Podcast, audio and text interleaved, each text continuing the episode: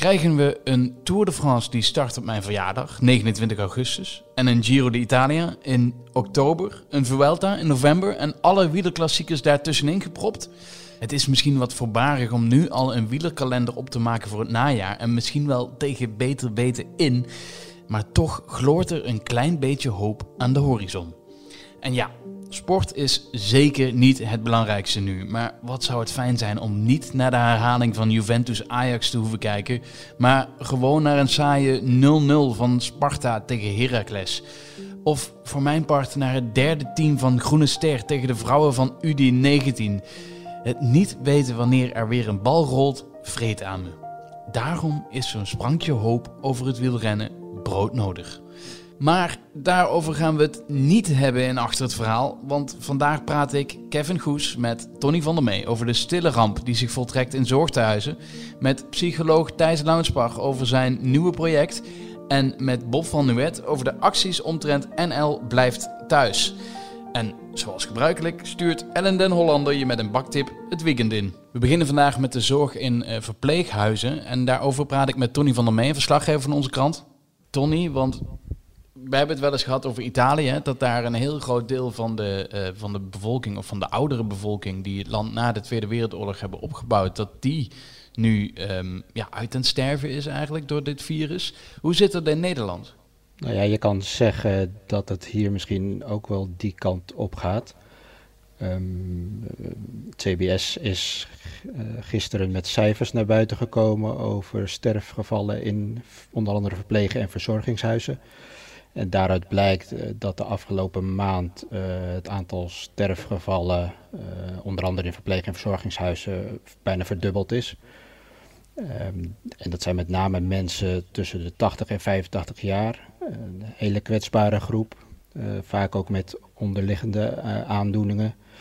Dus in die zin heel erg vatbaar voor een virus. Ja, en bij die mensen moet ook nog eens een hele moeilijke keuze gemaakt worden. Stuur je ze nog naar het ziekenhuis of zet je ze in een kamertje apart? want, want ja, de, de levensverwachting is natuurlijk wat lager, of de overlevingskans. Ja, die is sowieso lager. als mensen een verpleeghuis binnenkomen, dan is de gemiddelde levensverwachting daarna nog tien maanden tot misschien een jaar.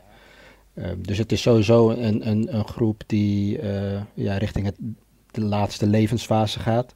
En ja, dat is dus wel, dat, dat, zijn mensen die ja, niet heel veel lang meer te leven hebben. en dus ook sneller zullen overlijden aan zo'n virus. En de vraag is dan ook, is het zinvol om ze nog naar een ziekenhuis te brengen? Of ze, om ze een intensive care te leggen? En de specialisten die zeggen eigenlijk dat dat gewoon vaak niet zinvol is. En dat het alleen maar traumatischer is. En dat ze er heel vaak ook gewoon slechter uitkomen.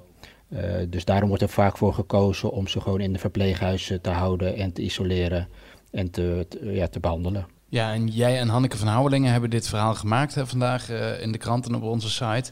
En jullie hebben ook gesproken met mensen die werken in uh, verpleeghuizen. Wat vertellen zij? Ja, je merkt gewoon de wanhoop ook onder de verpleegkundigen en verzorgenden. Um, ze moeten hun werk heel lang, uh, hebben ze hun werk onbeschermd moeten doen. Zonder mondkapjes, zonder handschoenen, zonder schorten. Omdat heel lang het idee was van, nou ja, dat, dat moet gewoon kunnen. Um, de verpleeghuizen hebben ook erg last gehad van de focus in Nederland op de ziekenhuizen en de intensive care capaciteit. Uh, daardoor is eigenlijk de situatie in verpleeghuizen onder de radar gebleven. En daar hebben verpleegkundigen en verzorgenden gewoon heel veel last van. Want die zeggen, ja, wij roepen al weken dat wij beschermingsmiddelen nodig hebben. Er is niet naar ons geluisterd. En dit is wat je hier nu voor terugkrijgt. Een enorme toename van het aantal sterfgevallen en besmettingen. Ja, is er nu wel oog voor? Er is wel meer oog voor, uh, alleen de praktijk is gewoon weer barstig. Uh, er worden wel wat meer beschermingsmiddelen geleverd, maar het is nog steeds gewoon te weinig. dus er zijn nog steeds tekorten. bovendien is een aantal weken geleden gezegd dat ook zorgmedewerkers buiten de ziekenhuizen getest kunnen worden op het virus. Um, alleen in de praktijk blijkt dat in de verpleeghuizen totaal niet van de grond komt. En heel veel medewerkers die klachten hebben of die ziek zijn of symptomen hebben, Ehm, ja, die moeten soms gewoon dagenlang wachten op een test of worden soms helemaal niet getest. Uh, nu zei je aan het begin al even van, uh, je haalt het uit de CBS-cijfers, dat zijn dus niet de RIVM-cijfers. Die verschillen ook nogal uh, flink van elkaar hè, qua aantal sterfgevallen. Over hoeveel mensen hebben we het ongeveer in, in Nederland die in die verpleeghuizen sterven aan het coronavirus? Ja, dat is heel lastig om daar een landelijk beeld van te krijgen. Ehm, heel veel van de sterfgevallen in verpleeghuizen worden niet meegenomen in de RIVM-cijfers omdat het RIVM eigenlijk alleen uh, mensen meetelt die echt daadwerkelijk positief getest zijn. Uh, en in verpleeghuizen is het beleid van dat niet iedere bewoner die symptomen of klachten heeft ook getest wordt. Um, dus heel veel cijfers, uh, of heel veel gevallen blijven gewoon onder de radar. Um, wat een indicatie zou kunnen zijn, zijn de cijfers van Ferenzo. Dat is een vereniging van specialisten oudere geneeskunde. Uh, die hebben onder andere in patiëntendossiers gekeken hoeveel uh, bewoners geregistreerd staan als uh, coronapatiënt. Um, en daaruit blijkt dat nou, in ieder geval zeker 5300 bewoners besmet zijn. En dat er nou ja, ruim 600 bewoners inmiddels zijn overleden. Alleen deze cijfers die dekken misschien de helft tot drie kwart van alle verpleeghuizen. Dus eh, ook geen compleet beeld. Nee, dus het blijft lastig om, om te, te zien om hoeveel mensen het nou echt gaat. Ja, dat blijft lastig. Ook omdat, uh, nou, wat ik eerder zei, heel veel bewoners uh, natuurlijk ook nog andere aandoeningen hebben. Uh, die zijn gewoon kwetsbaar. Um, ja, de vraag is of ze dan aan het coronavirus zijn overleden. Of dat ze al zo kwetsbaar waren dat nou, ook andere aandoeningen een rol hebben gespeeld. Tony, we hebben elkaar ook al ongeveer vijf weken niet meer gezien. hoe gaat het met jou? Ja, uh, het, het, gaat goed. Het is uh, hectisch, uh, maar het is heel, heel gek om zo te werken. om je collega's niet te zien, om thuis te werken als je ook nog drie kleine kinderen hebt. Dus het is, het is overleven af en toe. Ja. Oké, okay, Tony, dankjewel voor, uh, voor deze keer. En uh, wellicht tot snel weer. Dan heb ik nu contact met uh, Thijs Launsbach. Thijs is psycholoog en columnist van onze krant. ook te maken met de coronacrisis, want ZZP'er. Thijs, hoe ziet jouw leven er op dit moment uit? Nou, mijn leven was in eerste instantie vrij nou, behoorlijk aan verandering onderhevig, zou ik maar zeggen. Dus er vielen opeens heel veel klussen uit. Want ik, normaliter spreek ik voor, voor grote groepen mensen... Um, en doe trainingen en zo. En dat, dat gaat nu even niet. Dus dat was even een, een aanpassingstijd van een paar weken. Inmiddels zijn er weer een aantal, juist weer net andere klussen bijgekomen. Waardoor ik toch wat, wat werk kan doen. Maar mijn werkende leven ziet er wel anders uit. Dus ik ben niet meer het hele land door aan het rijden.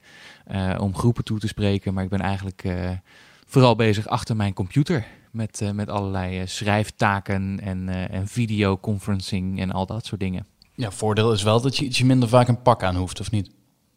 Uh, het is uh, ook prima werken in een uh, joggingbroek, kan ik je zeggen. Al moet ik wel zeggen, als ik echt wel een soort een, een webinar moet geven of een conferentie moet geven, dan kleed ik me daar ook wel op. En ook op de delen waar die mensen niet zien in de camera. Omdat het toch iets doet iets voor je hersenen, hè? doet iets voor je onbewuste. Um, maar, maar dat is waar. Een groot deel van mijn werkzaamheden kan ik in een joggingbroek uit, uitvoeren. En nu, nu ben je columnist van onze krant, maar je gaat ook iets nieuws doen. Uh, wat ga je precies doen? We gaan een podcast maken. Of er zijn, we zijn nu bezig met een podcast te maken. Maar dat gaat over, nou, gaat over dit waar wij het nu over hebben. Over het feit dat dus rond de maatregelen tegen COVID-19 onze levens collectief op hun kop zijn gaan staan. En natuurlijk gaat veel van de aandacht uit en terecht naar de mensen die um, uh, kwetsbaar zijn of die ziek worden of op, op die, die op de IC's liggen. Uh, daar gaat heel veel van de aandacht naar uit. Maar ik zou denken ook voor de grotere groep mensen uh, is er nogal wat veranderd in het leven. En daar gaat, nou, daar gaat die podcast over. dus we hebben het over... Um, hoe blijf je nou in dit soort omstandigheden mentaal gezond? Ook al zijn er heel veel uh, spannende dingen uh, die, er, die er nu gaande zijn. Of heb je veel te maken met teleurstelling of met uh, zorg over de toekomst? Of hoe hou je het met elkaar uit? Hoe zorg je dat je elkaar niet de tent uitvecht um, als je samen woont en misschien iets te veel tijd nu met elkaar moet doorbrengen? Want dat is ook niet altijd goed. Um, of juist als je alleen bent, hoe ga je dan om met, um, met die, wat ze nu, nu zo mooi noemen, huidhonger? En uh, het, het gevoel, um, nou ja, om, om nu wat sociaal contact te krijgen, dat je normaal in een, in een café of in een restaurant of uh, met uh, groepen vrienden afspreken zou hebben, die heb je dan nu even niet. Dus hoe ga je daarmee, daarmee dan weer mee om? Dat zijn zo'n aantal van de vragen die, die terugkomen. Oh, oh, en thuiswerken natuurlijk, dat wordt ook een hele belangrijke. Hoe, hoe doe je dat nou effectief? Ja. De podcast heet Thuis met Thijs. hoe ziet de situatie bij, bij Thijs er nu uit, thuis? Nou, um, ik heb dus. Uh, nou ik, ben net verhuisd. Wat heel goed is. Dus eigenlijk een nieuw thuis met Thijs. En dat, uh, dat scheelt in dit geval wel heel erg. Want ik heb nu ook een plekje waar ik gewoon een, uh, mijn laptop kan neerzetten. En echt een goede werkplek heb. Um, dus ik heb eigenlijk een soort kantoor. Um, maar ik moet je wel zeggen dat ik nog nooit zoveel thuis ben geweest. In ieder geval niet in de afgelopen paar jaar. Dus dat is wel even wennen. Maar ik begin er ook wel de mooie kanten van te zien. Het is ook wel fijn om in je huiselijke omgeving zoveel te zijn. En niet alleen maar onderweg de hele tijd. Ja. Eh, kun je een tipje van de sluier geven? Wie, wie gaan we horen in jouw podcast? De eerste aflevering uh, uh, is met Saskia Geraerts. En zij is een psycholoog. En zij weet veel over uh, je mindset en over zeg maar mentale gezondheid. Hè? Dat is dat thema.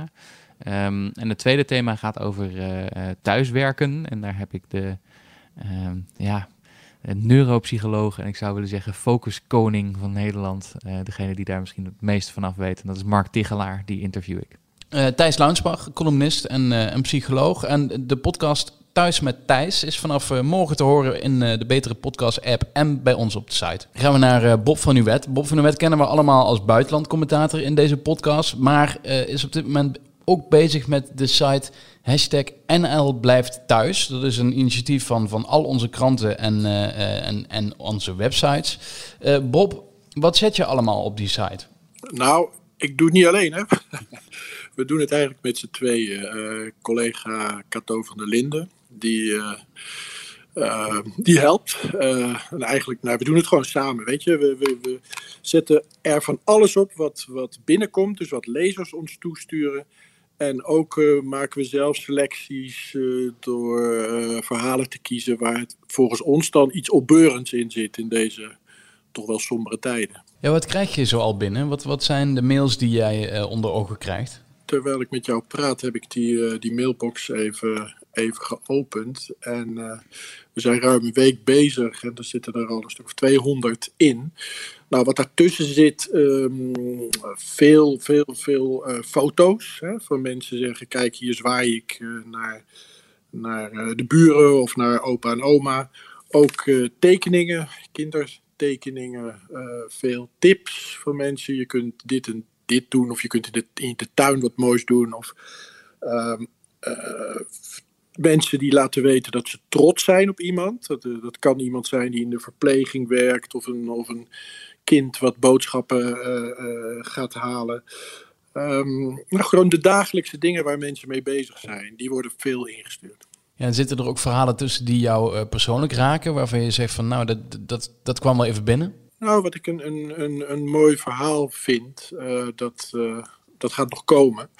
Maar dat is een, um, een, een, familie uit Brabant. Um, en uh, de moeder, Hilde, die, uh, die stuurde ons een mail. En ik heb haar ook gebeld. En die vertelde dus dat uh, het is een, een, gezin met drie volwassen kinderen. En zowel de vader, de moeder als twee dochters, die werken allemaal in de zorg. De ene werkt in een instelling voor, voor mensen met, met verstandelijke en lichamelijke beperking. De ander zit in de ouderenzorg. De man van die vrouw zit in de thuiszorg en zij zit ook in de, in de zorg. En daar hadden ze fotootjes bij gedaan van al die gezinsleden met een masker op ja, dat vond ik wel, wel indrukwekkend. Dan, dan, dan zie je hoe een hele, hele familie overuren maakt en, en zich, zich kapot werkt ja, om anderen te helpen. En dat ja, was indrukwekkend, ja. Ja, en, en mensen kunnen dus iets insturen naar de mailbox. wat, wat kan er allemaal in? Je hebt al een beetje een, voor, een, paar voorbeelden gegeven, maar waar zit je nog op te wachten? nou, het maakt eigenlijk niet uit. Kijk, die pagina die is, is samengesteld. Er zitten een paar, paar, vaste onderdelen zitten daarin. Hè. Eén daarvan is Kijk Nou. Nou, dan heb je het dus over, over beeld. En dat kan van alles zijn. Dat kan een kindertekening zijn. Dat kan een, foto zijn. We hebben een foto geplaatst een keer van iemand die uh, ineens twee prachtige blauwe vlinders uh, in zijn tuin had. Dus dat was, een, was een amateurfotograaf. Die zat zich kapot te vervelen in zijn tuin. En ineens vliegt het onderwerp, fladdert het onderwerp de tuin in. Nou, dat, dat heeft hij niet gemist, die, die foto. Die was, was heel mooi. Um, ja, we hebben ook een, dat was ook leuk, een, uh, een jongen van, van 12, uh, Thijs heette die. En die, uh, die kreeg als, als thuisopdracht van, de, van de docent om cupcakes te maken, maar dan in de vorm van van uh, corona. Dus hij heeft marsepein corona uh, virusjes gemaakt. Nou, die, die, zien er echt prachtig uit. Heel mooi blauw en groen en rood. En, nou, die hebben we ja, heel groot bovenop die pagina gezet. En daar heeft hij ook heel veel, veel reacties op, op gekregen.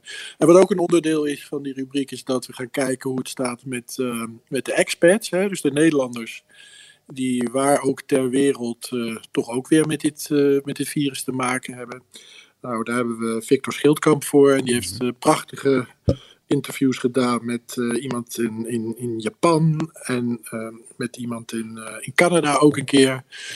En daar, die in uit Canada leerden we dan bijvoorbeeld dat het op dit moment niet slim is om daar je kat buiten te laten.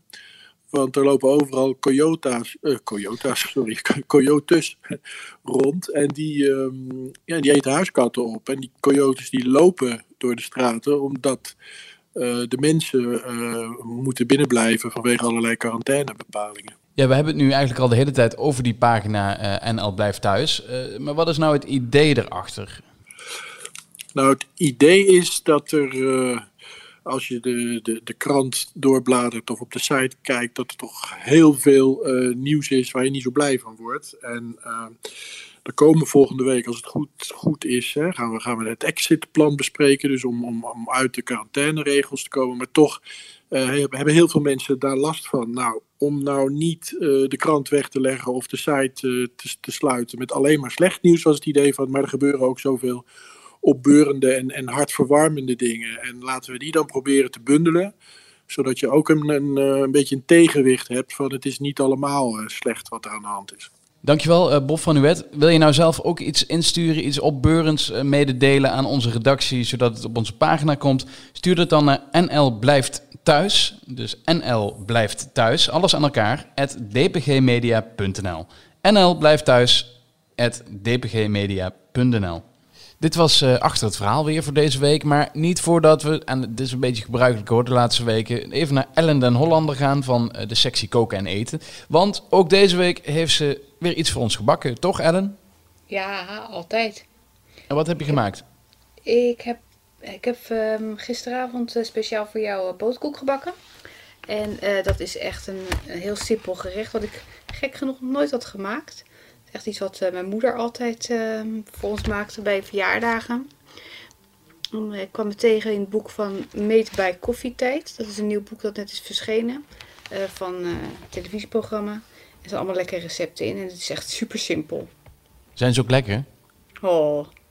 Zal ik wat vertellen? ja. Ik heb vanmorgen als ontbijt een stuk genomen. En is het een goede vervanger? Absoluut. het is nou ja, misschien ietsjes minder gezond dan uh, een bakje yoghurt met uh, fruit. Maar uh, oh, echt zo lekker. en waar kunnen we het recept vinden? Ik ga het op de site zetten, uiteraard. En het komt uit het boek van Made by Koffietijd. Van het, nou dat is net verschenen. En ik zal ik op, de, op de sectie koken en eten zetten. Nu is het enige probleem, hè? je zegt elke keer ik heb voor jou gebakken. Maar ja, ik zit hier in Amsterdam en jij zit ver weg. Ja, dat dacht ik vanmorgen nog. Ik dacht elke keer ja, ik sta hier voor Kevin te bakken. Maar eigenlijk heeft die arme jongen nog nooit wat geproefd. Dus ja, um, ja je bent van harte uitgenodigd om te komen halen, zou ik zeggen. Maar laten we erop houden dat ik, uh, dat ik absoluut iets lekkers voor je mee ga nemen. Het allerlekkerste wat ik heb gemaakt als we elkaar weer zien. Nou, daar hou ik je aan. Dankjewel Ellen weer en, uh, en een fijn weekend. En uh, alle luisteraars ook een fijn weekend. Je kunt ons vinden Spotify, Apple Podcasts en wij zijn er volgende week weer.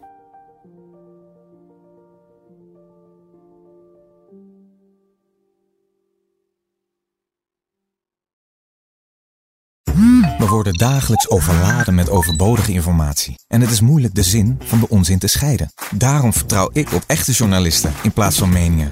Een krantenmens heeft het gemakkelijk. Word ook een krantenmens en lees je favoriete krant nu tot al zes weken gratis. Ga snel naar krant.nl. Bezorging stopt automatisch en op deze actie zijn actievoorwaarden van toepassing.